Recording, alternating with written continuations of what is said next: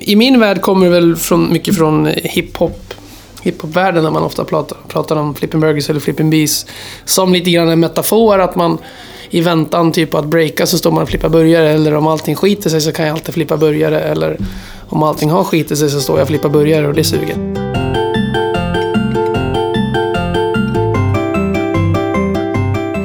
Hej och välkommen till podd nummer sju med Jon Widegren. Känd för sin succérestaurang Flipping Burgers. Han är utbildad ekonom och statsvetare, drömde om att starta eget. Han lämnade jobbet på Ernst Young och åkte till USA. Det blev 64 hamburgare på 38 dagar. Vi säger först tack till vår sponsor Statist.se och nu varsågoda Jon Widegren. Ska jag liksom stå och vara typ så här eller så här? Alltså, ju närmare ju bättre. Då ska jag ställa in ljudnivån på det. Mm. Vad käkade du för frukost idag? Eh, jag käkade fruktsallad med nötter. Oh, vad gott. Och en cola tyvärr. Cool. Får ju lite socker till till morgon. Ja. Alltså jag, jag gjorde en podd nyss på Svenskt Näringsliv tror jag. Det var sån här starta eget ungt företagande. Ja, just det. Ja. Eh, och då hade de en, en tjej från eh, Sveriges Radio som var liksom programledare. Det var första gången jag var liksom i mer en radio... Eller jag har varit radiostudio för. Skitsamma. Jag hörde mig själv väldigt bra. Vilket gjorde att jag fick lite så här, Och det inser jag att jag gör nu också. Jag, får, jag kan få en sån här flåspanik. Okej. Du vet, du lyssnar på radio så hör du sån... När någon ska vara tyst. Okej. Det är det värsta jag vet. Så jag satt och så här, höll mig lite. Så när jag skulle prata var det så här... Ja, ja. Hade ingen röst kvar. Så idag ska jag försöka vara naturlig och andas. Då säger jag hej och välkommen till krogguiden Jon Widegren. Hej, hej. Tack så mycket. Hur mår du? Eh, jag mår bra. Eh, det är vår. Skönt väder. Inte så mycket att klaga på. Är det stressigt på jobbet? Eh, både och. Jag har försatt mig själv i... Jag har ganska nyss haft två och en halv vecka semester och sen så sportlov på det. Så att, eh, jag har faktiskt jobbat lite för lite efter jul, så det är lite stressigt där. Hur många gånger har du blivit intervjuad tror du? Eh, jag skulle tro att det i alla fall är över 50 sen vi öppnade för tre år sedan. Ett, ett, tag så var det liksom minst en i veckan. Sen efter ett tag så började jag faktiskt tacka nej till lite grejer. Eh, vilket är svårt för man känner sig så himla pretto om man säger nej jag står över det där. Men eh, nej, jag kände att jag var tvungen att sålla lite ibland för att det blev för mycket eh, udda grejer. Men eh, Vad är det vanligaste intervjuforumet? Eh, alltså det är väl det vanligaste är väl ändå va- vanlig liksom dagspress, alltså typ mm, de här mitt i tidningarna som mm, eh, vårt Stockholm, eller vår, Vi Vasastan, vårt Kungsholmen, de, de är ju ganska duktiga på, och även allt om Stockholm, de skriver ju ofta när det händer någonting. Liksom. Eh, det kan vara att vi bara gör en ny månadens börjare så kan någon ringa och vill fråga någonting. Hela den här liksom nya medieekonomin efter digitaliseringen, vilket ju vi i och för sig spelade på och utnyttjade, men den, den kräver ju väldigt mycket innehåll. Så ibland så känner man lite grann att man kanske är lite trött på storyn om oss. Liksom, Hondas kundtidning behövde något att skriva om. Hamburgertrenden. Alltså lite så kan det vara ibland. Inget ont om Honda. Nej, jag, jag förstår. Du har ju fått dra den storyn då rätt många gånger. Ja, det. jo men det har det ju blivit. Men samtidigt, var, det låter så himla drygt så här, jobbigt att dra sin story. Det, vi, vi levde ju på vår story. Om man tittar tillbaks när du var väldigt ung. Mm. Kommer du ihåg när ditt matintresse började? Ja, det, det tror jag nog att det, det var, jag var nog eh, 12, och sån där. Sexan, sjuan. Eh, lagade mycket mat med, med mamma. Jag fick lära mig ganska tidigt eh, egentligen hela, alltså tvätta själv, stryka själv, laga mat själv. Min eh, mamma jobbar mycket nätter. Hon är journalist. Eh, och jobbade mycket på nattredaktionen. Så det fick man liksom ta lite mer ansvar lite tidigare. Vilket jag är väldigt tacksam för. Har du syskon? Ja, en äldre syrra. Eh, också väldigt matintresserad, väldigt duktig på att laga mat, duktig på att baka. Vad var det ni lagade? Kommer du ihåg? Var det, det var inte hamburgare direkt kan jag tänka mig. Nej, det var det inte. Jag, jag har alltid lagat ganska mycket vegetariskt för att jag, jag har faktiskt inte varit så, så köttig av mig. Eh, men men det, var, det var ju mycket liksom ris och Kina-mixture hette det på den tiden. Jag vet inte, fryspåse med ris och grönsaker. Det var en klassiker. Det är ju gränsfall på att laga mat faktiskt. Men man var ju 13 så det var väl okej. Har du familj idag? Ja, jag har en fru och en liten dotter som är nio månader snart. Hur gammal var du när du bestämde dig för att starta Flipping Burgers? Eh, Jag jag bestämde mig för att försöka 2010 och då måste jag ha varit 31. Jag fick tänka efter. Jag och en kompis hade, hade länge tänkt på eh, en diner, men det har väl halva Sveriges befolkning på säga gjort. Eh, och sen eh, Men när jag mer konkret började tänka på att jag vill starta ett företag. Då var det säkert ett, ett två års tankeverksamhet på vad det skulle kunna vara innan det ens närmade sig hamburgare. Vad är en diner för alla som inte riktigt har koll? Ja, vad är en di- Alltså det, det kan ju vara lite allt möjligt, men, men eh, det typiska är väl kanske att man, man kan beställa mackor, typ ägg, bacon, kanske burgare, men från en à la carte-meny, lite så här breakfast all day. Du kan gå in och beställa lite grann vad du vill när som helst. Oftast öppet sent, öppet tidigt, sitter i baren och käkar. Diner, det är typiskt amerikanskt, eller? Ja, men det skulle jag nog säga.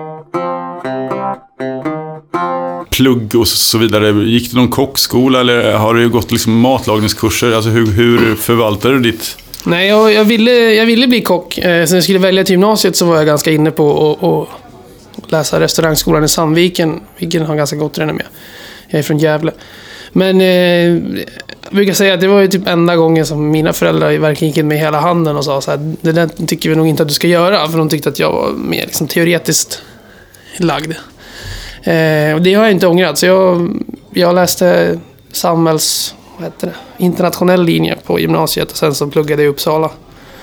Eh, och sen så började jag jobba i, i konsultvärlden. När du var i konsultvärlden, kändes det bra då? Eller, eller, eller kände du att det var någonting som pyrde där? Liksom att... Nej, det pyrde ganska tidigt faktiskt. Och, och, men det har väl... Det har väl att göra med allt möjligt i ens liv. Alltså hela steget att, att starta eget och göra något annat. Det, det var någon form av eh, livskris också som, som hade att göra med andra saker i mitt liv också. Jag, men jag blev ganska snabbt desillusionerad i, i liksom konsultyrkeslivet. Det blir lite sådär, jag läste ekonomi i, i Uppsala och sen läste jag statskunskap och sen kom man ut och vad ska man göra för någonting. Och då har man sett, om man läser ekonomi så har man sett alla de här konsultföretagens varumärken sedan dag ett egentligen. Och jag kommer ihåg första dagen på eh, det företag som jag började jobba på så sa marknadschefen där att ni som sitter här nyanställda, egentligen vet inte ni varför ni sitter här. Men vi har liksom lite grann planterat i ert huvud att ni vill vara här.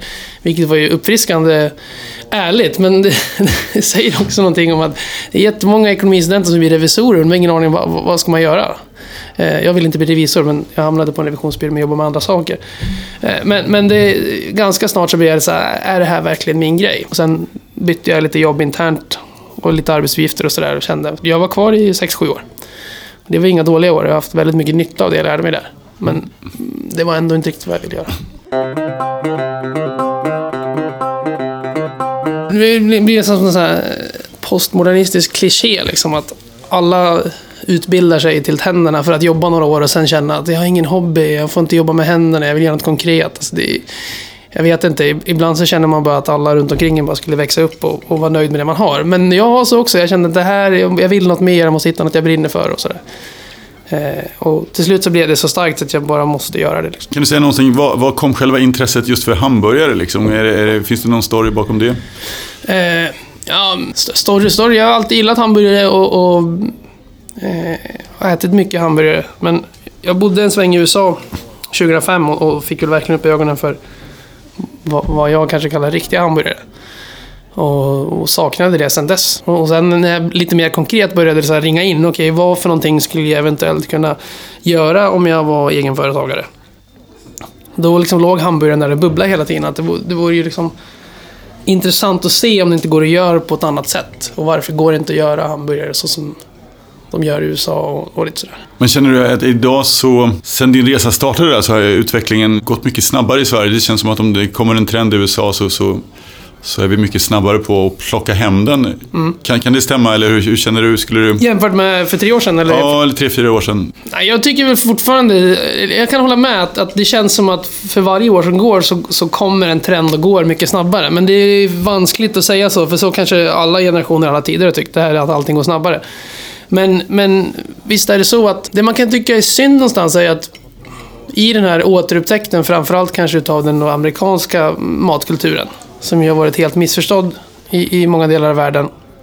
Men när vi nu liksom tar till oss allt det här, pulled pork är ett bra exempel som får väldigt mycket skit. Jag föreställer mig att människor som äter pulled pork på en taco i Texas in, inte har gjort det i massa år för att det var särskilt coolt, utan det var väldigt gott. Just i amerikanska köket, är, är det liksom någonting som du tänker på? Så här, det här är synd att det inte finns? Ja, jag vet inte. Jag, ja, kanske, som vi var inne på, frukost hela dagen, diner-grejen som ju Som ju vissa har... Det har ju kommit några ställen som plockar upp det lite här. Jag tycker varje gång jag är i USA tycker jag att jag äter fantastiskt god mat. Men det gör man ju på många ställen i världen. Jag har ingen sån här som, åh det här ligger och puttrar. Okej. Jag, jag tänker lite på det här eh, Beverly Hills, kommer du ihåg den när den Ja. gick? ja. Var det en typisk diner som de hängde på där? Peach Pit. Peach Pit, precis. Jo, det var det väl i och för sig. Men, men det, jag skulle säga att den typen av diner har verkligen format vår bild av, och även vad hamburgerställen är. Det är klart att de finns också i USA.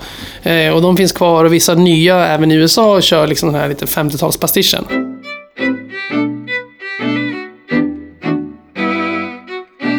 Jag vet, när vi startade så började alla direkt prata om att det skulle vara jukebox och det skulle vara 50-talsbilar och det skulle vara servitriser på rullskridor. Alltså vi har en sån klichéartad bild av vad det där är. Oftast tycker jag att en diner i USA, det är ett ganska halvsunkigt ställe men kan ha fantastisk mat. Men inredningen ser oftast ut som den är från 83 snarare än 53. Det, det, det finns något lite skönt i det. Det är inte så himla ängsligt. De som inte vet så mycket om, om hur det gick till, alltså hur, hur länge pågick liksom resan? Var det så att ditt enda mål var att hitta den perfekta restaurangen, eller den perfekta hamburgaren, eller hur, hur hade du liksom för tan- tanke med resan? Nej, alltså det där är lite komiskt. Egentligen så, så har, har jag eh, aldrig liksom tänkt att jag ska hitta den perfekta burgaren, eller den perfekta restaurangen. Men i liksom nio av tio saker som har skrivits om så har det nästan alltid varit rubriken så här, “Jakten på den perfekta burgaren”. Och ett tag blev jag riktigt less på det där för att det, det tillskriver oss någon form av liksom pretension, eh, pretension att vi ska vi ska vara bästa, vi ska vara perfekta. Alltså, jag ville bara få inspiration, se hur de gör, vilken typ av ställen som finns där borta och, och sådär. Och såklart äta väldigt många riktigt bra burgare. Men det, det var liksom ingen jakt sådär på, en, på en helig graal. Men sen så insåg jag, bara för några månader sedan när vi gjorde om vår webbsida, att det första blogginlägget jag skrev som skulle skilja den här resan, det hade jag själv satt rubriken “Jakten på den perfekta burgaren”. Snacka om att Ja. falla. får käka upp det där faktiskt. Eh, så så att, ehm, jag var borta i en, i en månad drygt. Eh, det var kan man säga ett mellansteg. Jag hade då planerat restaurangen i ungefär ett halvår och kände att jag, jag måste liksom... Det, kommer ta mycket längre tid än jag hade tänkt mig. Och jag ville lära mig mer. Och, och, och så kände jag att hur ska jag få folk att hitta till Flipper när jag väl startar? Jag, jag måste få ut ett budskap om vad man vill göra, vad jag vill göra annorlunda. Och, och då kom den här idén om att starta en blogg. Och, och, och har man en blogg då, som jag pratade om tidigare, måste man ha innehåll. Och, och då kände jag att det kanske skulle vara en idé att liksom skildra en USA-resa på bloggen så att det liksom händer någonting. Och det var det, där det började, skulle man kunna säga. Ja, jag kan inte varje dag skriva om att jag inte har hittat någon lokal idag heller. Liksom. Namnet Flipping Burgers, var, var kommer namnet ifrån? Eh, det, det, I min värld kommer det väl från, mycket från hiphop hiphopvärlden där man ofta pratar, pratar om flipping burgers eller flipping bees. Som lite grann en metafor att man i väntan typ på att breaka så står man och flippar burgare. Eller om allting skiter sig så kan jag alltid flippa burgare. Eller om allting har skitit sig så står jag och flippar burgare och det suger. Alltså, det blev en liten, för mig, någon form av ordlek och arbetsnamn. När allting kändes väldigt ovisst och jag har inte någon aning om vad, hur det här skulle gå. Liksom. Samtidigt som jag tyckte att eftersom det var ett ganska etablerat slanguttryck så kände jag att det är ett ganska eh, användbart namn. Eh, om man nu ska ha burgare i namnet. Men med facit i hand så var det väl ett riktigt bra namn faktiskt. Jag, eh, väldigt, väldigt länge så ville jag att det bara skulle heta Flippin' Bees med B, apostrof S. Eh, men, men det var typ alla jag pratade med som det kan inte heta, ingen kommer fatta det. Och det är jag glad idag att vi inte gjorde för det hade blivit lite väl smalt kanske. Du, du har sagt att du är, är, för lat för att bli stressad. Men men hur, hur, hur tänker du med nya restauranger? Är det så att, finns det någonting som gror liksom att jag skulle vilja göra något annat projekt? Eller, eller du känner att jag är rätt nöjd i det jag är idag? Ja, men det är lite både och. Jag, jag, jag, jag, jag, jag är inte för lat för att bli stressad, det var, det var något säga. Jag tror jag har sagt att jag är för lat för att bli utbränd i bemärkelsen att jag är ganska bra på att ta ledigt, jag är bra på att koppla bort. Eh, jag är bra på att delegera. Eh, ibland för bra, eh, kan jag känna. Och Hur, hur menar du för bra? Nej men ibland så kan jag... Det har varit perioder när jag har släppt saker på ett nästan ansvarslöst sätt. För att jag, jag vill att folk runt omkring mig ska kliva fram. Jag vill ge dem ansvar och de vill ha ansvar. Men i- ibland så kanske jag måste vara där också. Eh, nu menar jag inte fys plats utan det måste vara i en fråga eller i, i något liksom. Eh, och sen, jag kan... Eh, som förra veckan när jag, när jag, när jag drog iväg på sportlov så... Då kanske jag inte kollar mejlen på tre dagar. Och, och ibland blir det lite problem för att, för att det ska funka. Men då är jag så här, ja men nu är jag ledig. men, men som svar på din fråga om vi funderar på andra saker. Vi, vi tittar lite grann. Vi håller ju på med en foodtruck-satsning nu. Eh, och eh, det finns andra saker jag vill göra med Flippin som handlar om att höja kvaliteten på liksom, kringsaker. Jag har precis idag pratat med ett gårdsmejeri om att kanske försöka göra en egen burgarost. Och så. Så det, det är som två parallella spår. Det ena handlar om att inte släppa kontakten med Flippen och vad vi gör och hela tiden utmana. Vi ska inte förändras men de grejerna vi gör kan vi göra dem bättre. Eh, och sen det andra är lite grann, okej, okay, vad finns det för kreativa, roliga saker vi kan hitta på? Men, men käkar du dina egna hamburgare varje dag eller någon gång i veckan? Eller hur? Ja, men någon, någon gång i veckan brukar det bli. Varje dag har jag nog inte ätit sen efter första halvåret. Eh, men eh, nu åt jag väl senast förra fredagen, takeaway.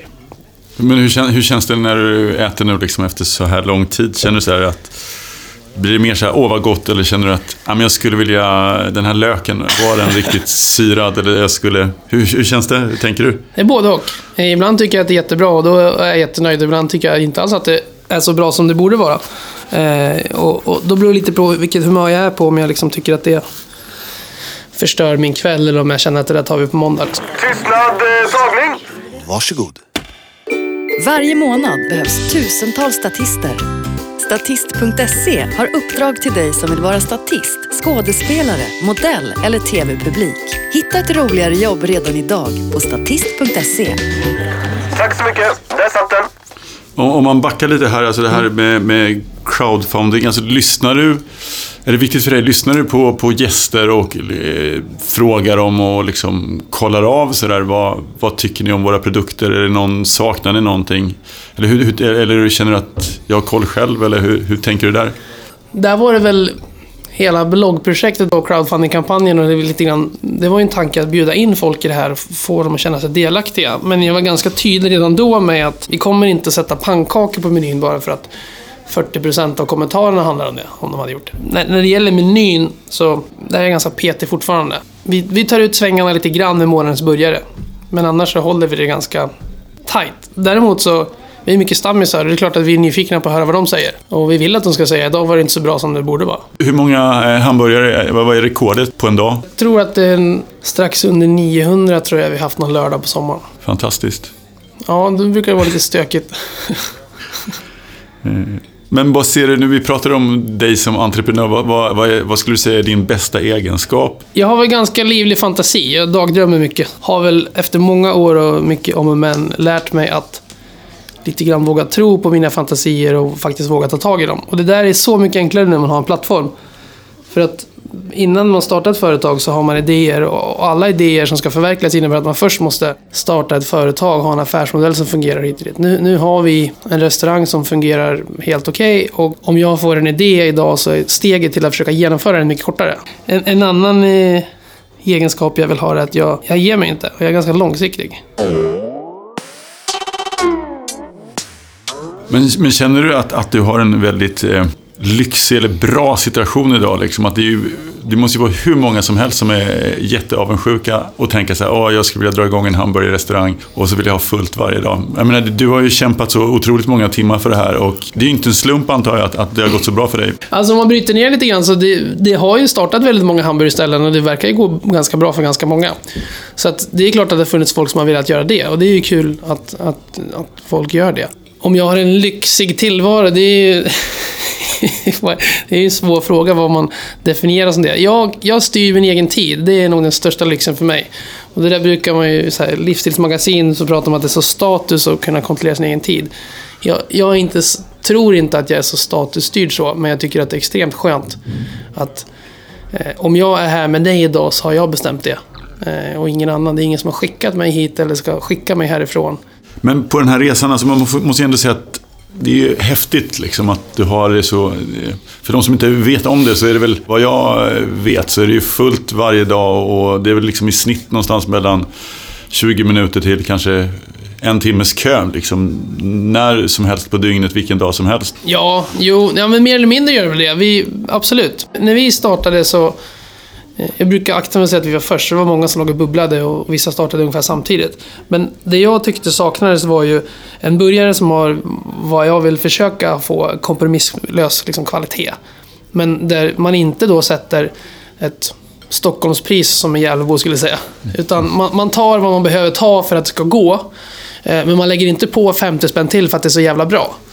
Och där tycker jag att eh, många i den här branschen har, ibland tänker lite konstigt. Man, man har en prisnivå som funkar kanske en torsdagkväll. Sen är det många stockholmare som har råd med det även en måndag, men de gör inte en måndag.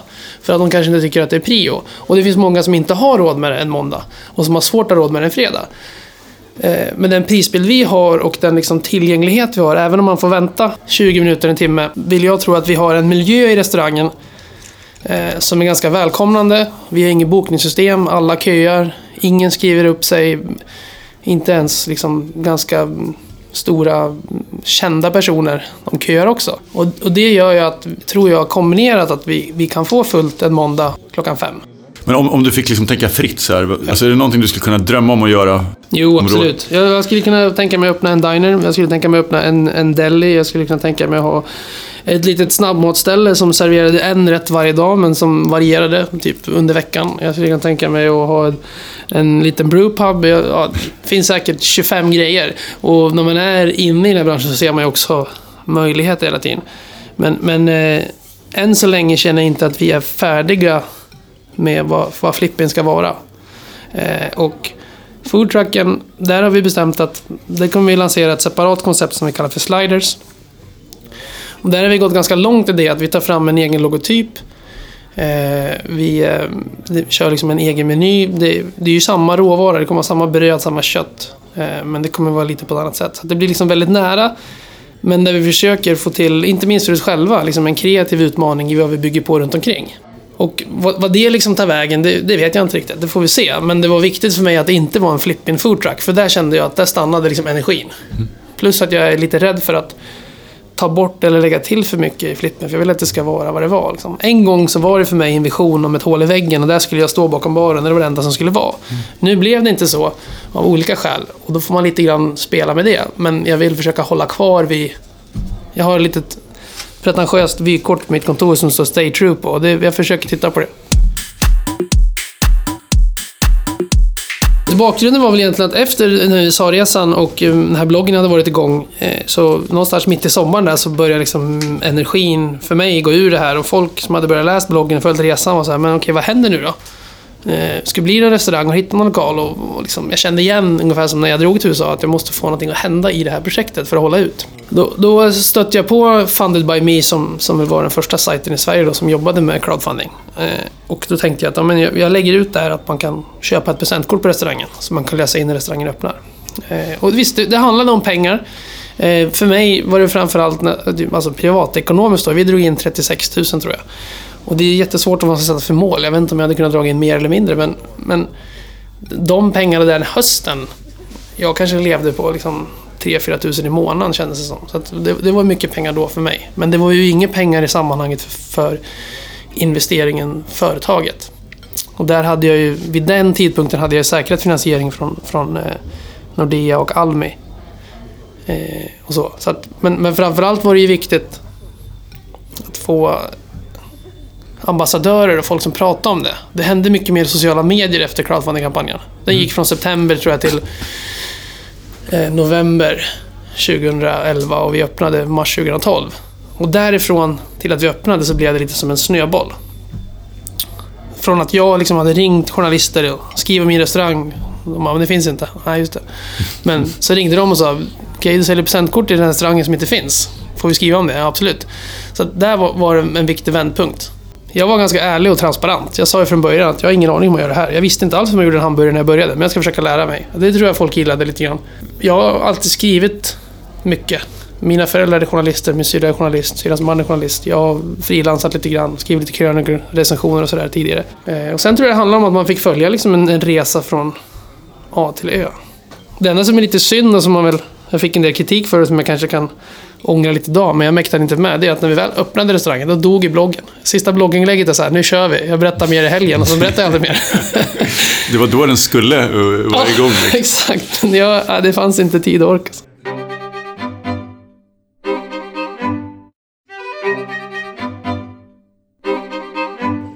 Jag tänkte prata lite om, om hamburgerkultur. Mm.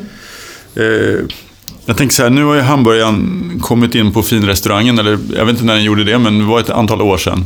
Hur, hur gick det till när hamburgaren kom in på, och blev på något sorts, någon sorts del av en fine dining? Ja, det finns väl någon form av så här semi-officiell historieskrivning där, där eh, en, en krögare i New York anses vara en av de första som, som satte en, en, en liksom gastroburgare, eller vad man ska kalla den för, på, på menyn och tog tror jag, så här 22 dollar, vilket var unheard of i USA. Liksom. Och, och nu minns inte jag exakt vilken av dem det var som la på, men om det var liksom tryffel eller om det var lite gåslever. Det var liksom den typ grej. Eh, Kanske KB-kött och sådär. Och sen så blev det en jättestor grej i framförallt New York början av 2000-talet. Och sen så kom ju det hit också. Det fanns, jag skulle säga att det fanns gourmetburgare på svenska krogar har väl funnits liksom lite längre än den senaste hamburgertrenden. Men det det handlade om, vilket jag tyckte var som huvudgrejer i, i mitt liksom lilla angrepp på den här segmentet, det var ju att allting handlade bara om pålägg. En flashig burgare på en restaurang i Stockholm för fem år sedan handlade bara om pålägg. Men, men det, som din fråga, det var, jag tror att det började i New York. Om man tittar på Stockholm då, var, varför tog det sån skruv liksom med, med, jag vet inte när man ska säga att det började, var det 2010, 2011 det liksom började komma eller var det jag vill minnas att både Pubologi och AG lanserade liksom sina nya burgare i, tror jag, våren 2010.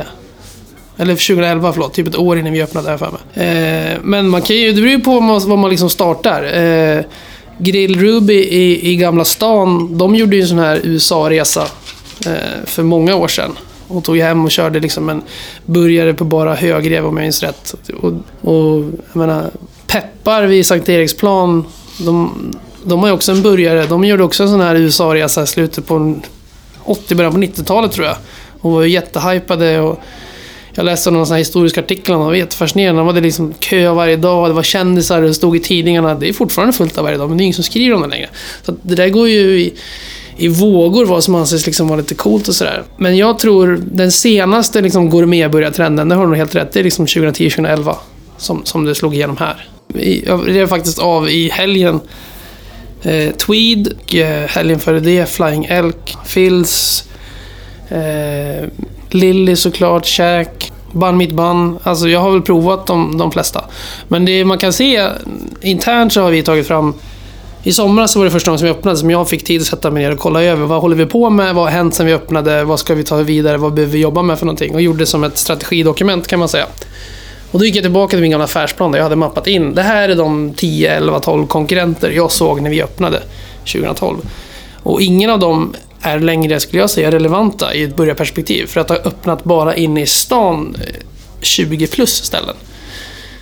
Eh, så, att, så att där har ju liksom marknaden i sig helt förändrats. Det har ju kommit ett helt nytt segment. Vilket jag tycker är väldigt bra. Bun mitt bun. Alltså jag har kan du liksom förklara? Jag, jag har ju läst din bok och det, fin- det är ju rätt komplext det här med är det. hög rev och vilken del. Några grundläggande regler. Du pratar om att fetthalten ska vara 20% och så vidare. Men kan du ge någon liten, så här, liten snabbskola hur man ska tänka på, på liksom, för att få en god hamburgare hemma? Liksom? Jag, kan, jag, kan, jag vet inte hemma just, men jag kan ge en, en, en prioritetsordning kan jag säga. Eh, och jag lär mig ju själv löpande också. Eh, vårt grundrecept är ju högrev och bringa. Eh, och det är ju för att det är liksom... Det, det är bra grova detaljer med bra smak, eh, mycket bindväv, eh, feta oftast och sådär. Eh, men det handlar ju också om att det är traditionellt delar på djuret som man har använt till färs eller långkok och sådär. Sen, du kan ju göra en fantastisk grej på ett högrevshjärta massa olika saker. Men i- min värld så blir det liksom lite fel att, att mala burgarfärs av liksom oxfilé. För att det är klart du kan göra det, den kan säkert bli fantastisk, men det är, det är ju ännu godare att bara steka den som den är.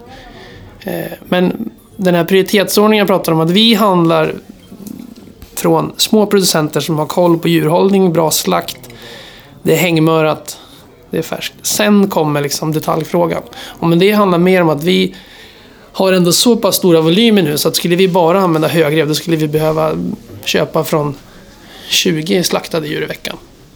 Nu, nu kan vi köpa fler detaljer från samma djur. Det kött de tillhandahåller är överlag så mycket bättre och har ett så mycket vettigare tänk. Vi var ute faktiskt hela personalen eh, för ett par veckor sedan och alla fick bevittna en slakt. Hur, hur de slaktar då på de vi köper av, vilket är mer eller mindre ett hantverk. Det är klart de har verktyg, men det är liksom inga maskiner som kommer in och kapar av. Utan de slaktar kanske två djur om dagen. Det är liksom där är vi och petar.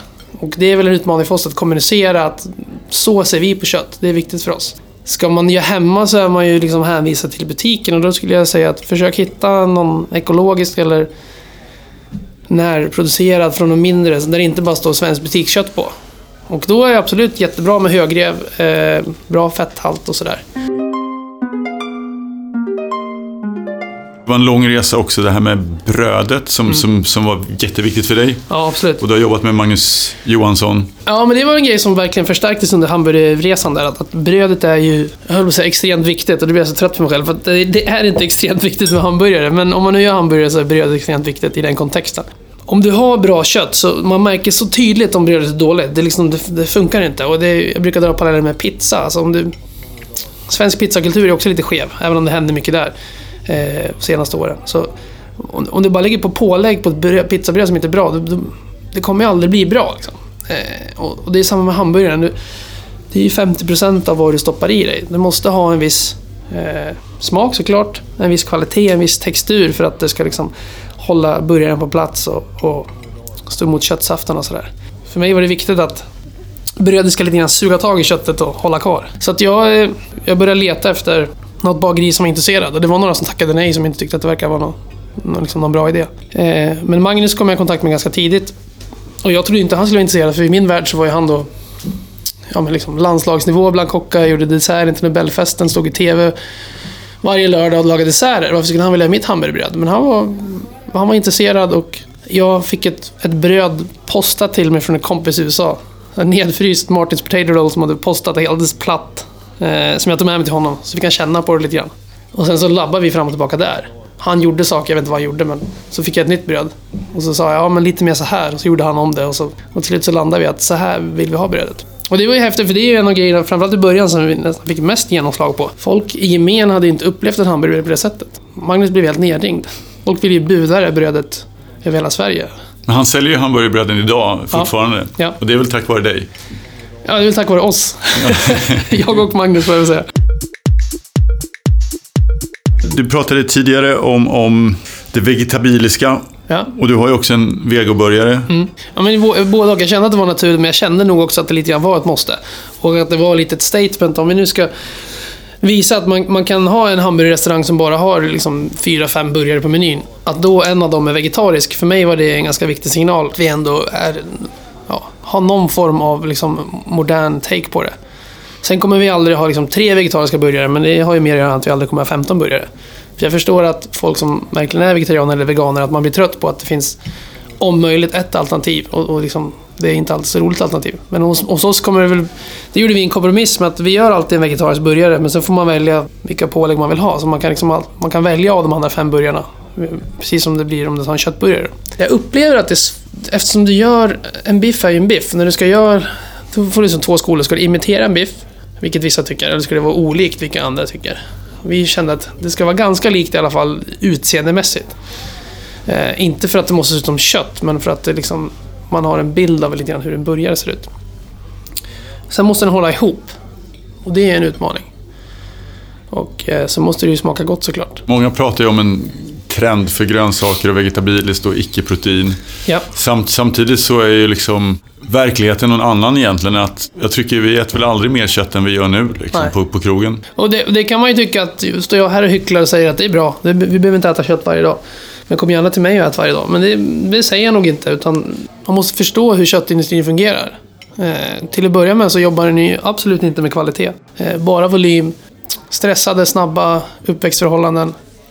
Och sen kan man, det tråkiga är ju att Sverige är mycket bättre än många andra länder. Men bara för det så tycker jag inte att man ska gå på den här myten om att svenskt kött per definition är så mycket bättre. Svenska grisar har det bättre än danska grisar. Fine. Men svenska grisar i gemen kanske inte har det så himla bra. Så jag håller helt med. Vi, vi äter väldigt mycket kött och kanske på ett sätt som inte är helt hållbart. Men om jag då får gränsa till en hycklare så Kom gärna och ät, inte bara hos oss, men på andra ställen som har ett vettigt köttänkande när ni äter kött. Eller till exempel som när jag lagar köttfärssås hemma. Så. Men den här grönsakstrenden som har varit nu, som är väldigt stark, det, det är ju... Jag tycker att det är både bra och roligt. Det blir ju lätt politiskt där också. Och jag minns ju liksom 90-talet när liksom vegankulturen slog igenom och det här motståndet mot McDonalds och de stora kedjorna och sådär. Det är ju ganska fascinerande att vi inte så många år senare kan, kan ha haft några år med någon form av nästan fixering vid hamburgare. Det var ju otänkbart på 90-talet. Men, men det speglar väl också att vi för en gång skulle ha bra hamburgare. Jag vet inte. Det, ja. Eh, Vad lagar du för mat hemma? Jag misstänker att det inte blir hamburgare. Nej, jag lagar väl lite allt möjligt. Jag har haft en, en liten mackperiod har jag nog haft. BLT-period. Liksom majonnäs och bacon. Nu säger jag helt mot mig själv vad jag sa alldeles nyss här, men det tycker jag är helt fantastiskt. Eh, Det låter gott. Ja, i alla former. Men annars, jag tycker det är kul att laga lite. Jag kan bli lite triggad om jag lagar en, en, en thai-rätt eller... Eh, jag käkade... Jag var i Vietnam nyss och käkade väldigt goda tacos där. Och så, så fotade jag menyn och så ställde jag mig och försökte göra samma sak hemma. Och när jag då inte riktigt får till det så som det var där.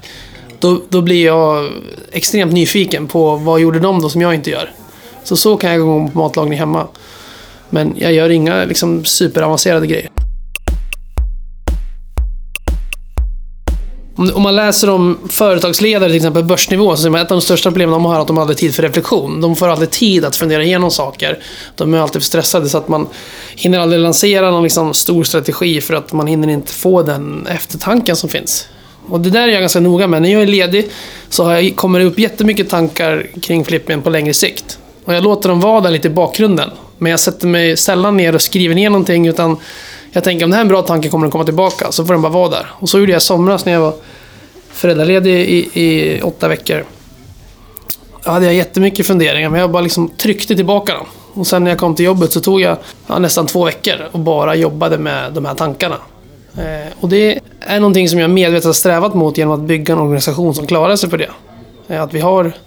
Vi är ett ganska litet företag men vi har ändå närmare 30 anställda nu. Jag vet inte, om vi vore ett modehus skulle jag kalla mig kreativt ansvarig. Men, så att, så att det är liksom på den nivån jag försöker jobba. Och det gör också att jag kan dra iväg utan att det blir liksom panik.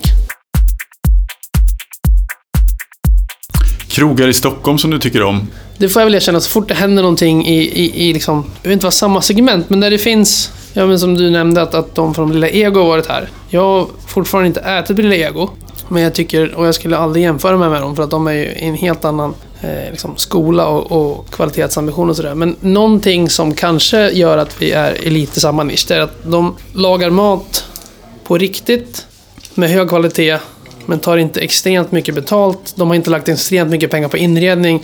Allt är väldigt... eh, När man är där, jag har ju varit där och inte ätit där, så det, det, är liksom, det är en, en enkel miljö. Och, och så har det öppnat ganska många ställen senaste tiden. Som jag tycker är väldigt kul. Att man, man litar på maten och man litar på personalen och miljön. Man litar inte på blank, fin inredning eller skruvade koncept. Och där, i, I den nischen finns det många ställen. Surface på Visby, eller Visby som precis öppnade i Stockholm här. Där det finns en, en ambition i matlagningen eh, men det presenteras på ett ganska eh, avslappnat sätt. Råkultur gillar jag, fast jag knappt gillar fisk egentligen. Eh, men det är också sånt där, jag, ty- jag tycker att det, är- så härligt att se hur man levererar en genomgående kvalitet och ambition men det hålls ändå avslappnat och det kostar lite pengar men inte extremt. Sen vet jag att varje gång jag gjort en sån här intervju någon frågar så här så kommer jag på tio ställen när jag går hem. Nook är ett sånt ställe som jag inte provat heller som jag är väldigt nyfiken på. Det ska du gå, det är bra. Ja, jag kan tänka mig det. Gro är ett bra ställe. De träffade faktiskt tidigare idag på en annan grej och det är också lite samma tänk. Vi pratade om det här med liksom balans i livet och Mm. du sa liksom att du har haft liksom perioder i livet där, där du tyckte att det var lite jobbigare och, och sen så har det blivit bättre. Ja. Men känner du liksom, eh, har du balans i livet nu? Nu har du, är du pappa och eh, det går bra med din restaurang. Liksom. Mm. Jo, det tycker jag. Man får ju jobba med det hela tiden. Jag försöker... Eh, jag försöker gå hem klockan fem varje dag. Och eh, sen efter jul nu försöker jag inte sitta på... Det är så lätt att ta med sig datorn och sitta lite på kvällen. Men nu försöker jag istället umgås med min fru när, när, när vår dotter har somnat. Eh, men i perioder så blir det svårt. Innan, två månader innan jul, då, då var det jättekörigt. Men det var ju för att jag skulle vara så ledig så mycket i januari sen. Eh, Sen tycker jag somrarna, alltså den, den svenska semestern, den är lite helig för mig. I, det kan ju vara balans över tid. Att vissa tider så kanske man jobbar mycket mer kväll och dag. Och sen andra så kan man ta det lite lugnare. Sen är det en himla skillnad att jobba för sig själv. Jag När jag jobbar kväll i restaurangen så jobbar jag ju kanske från 8-9 på morgonen till 11 på kvällen.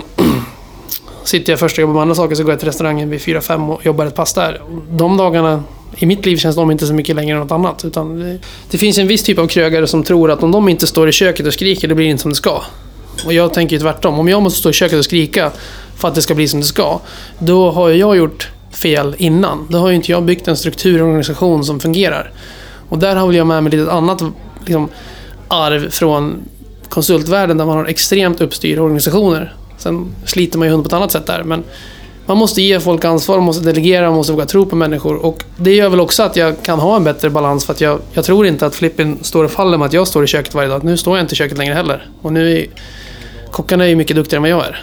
De kallar mig trainwreck om jag kommer in där. Choo choo, säger de. Har du något restaurangminne sen du var liten? Något sådär du kommer ihåg första gången du var på restaurang? Ja, faktiskt. Eh, ett hamburgerminne har jag ju väldigt tydligt. Jag, jag och pappa var på eh, Hard Rock Café här i Stockholm. Eh, och Då bodde jag, jag växte upp i Gävle då. Och det kommer jag ihåg var väldigt häftigt. Vi, jag vet att vi promenerade från Sveavägen ut till Moderna Museet. Och jag kommer ihåg att jag tyckte det var extremt långt. Det var en otroligt långt. Det var den längsta promenaden i mitt liv minns jag. Och sen var jag besviken på Moderna Museet för det var ingenting modernt där tyckte jag. Det, det, det minns jag väldigt tydligt i samband med att vi åt den här hamburgaren. Det, det är nog ett av de tidigare så här, kraft, kraftiga matminnen jag har. När du var där inne på Hard Rock, vad var det som... Var det konceptet eller var det maten eller var, var det alltihopa? Nej, men då, då, när man är liksom 10-11 så är det klart att det är häftigt om det hänger liksom en bil i taket och den typen av grejer. Men jag, jag vill minnas att jag även tyckte att så här, hamburgaren var liksom, oj vilken grej. Och det, det är intressant med barn. Vi, vi har ju mycket barn på Flippin. Och många föräldrar säger att vårt barn äter aldrig hamburgare, men de äter här. Och det handlar ju om att barnen fungerar ju precis som, som vi gör. De känner ju när någonting är gott. De känner när någonting är lagat med omsorg. Det tycker jag är väldigt häftigt betyg när man har barn som, som, som tycker att det är liksom... De vill gå till Flippen för de vill äta riktiga hamburgare. Hur ser publiken ut annars? Den är framförallt mycket mer varierad än vad vissa journalister som själva tycker att de är hipsters säger. Om jag får ge en känga. Det, det där är liksom den här hipstergrejen. Alltså, alla går ju runt och säger att de inte tål det ordet och så använder alla det ordet hela tiden ändå. Men framförallt kan jag känna att en viss typ av journalister, de måste alltid slänga in att ja, baren så satt det skäggiga män med sotarmössor och sådär. Jag känner att ja, men det kanske handlar om att ditt umgänge ser ut så, så du ser bara de personerna. Du ser inte eh, fembarnsfamiljen som är inne och käkar liksom lördagslunch. Du ser inte det äldre paret som eh, turistar från, från Söderhamn. Jag vet att en gång så, nere på, när vi låg på Kungsholmen, så knackade Timbuktu knackade på. Och det var liksom någon timme innan vi skulle öppna en lördag. Eh, för då öppnade vi fem på lördagar. Och en av mina anställda såg ut huset och sa, sorry, vi, vi öppnar inte förrän fem och det går inte att boka. Liksom. Så han, han och hans, Jens heter han väl, Cords, gick iväg. Men då kände jag så här, äh, vad fan. Så vi ropade, kom så, så gör vi burgare. Så de satt och käkade med, med oss med personalen där. Att, men det är väl den gången jag vet som, som vi liksom har Gjorde gjort ett undantag? Ja, precis. När någon annan vill starta upp en restaurang idag, Mm.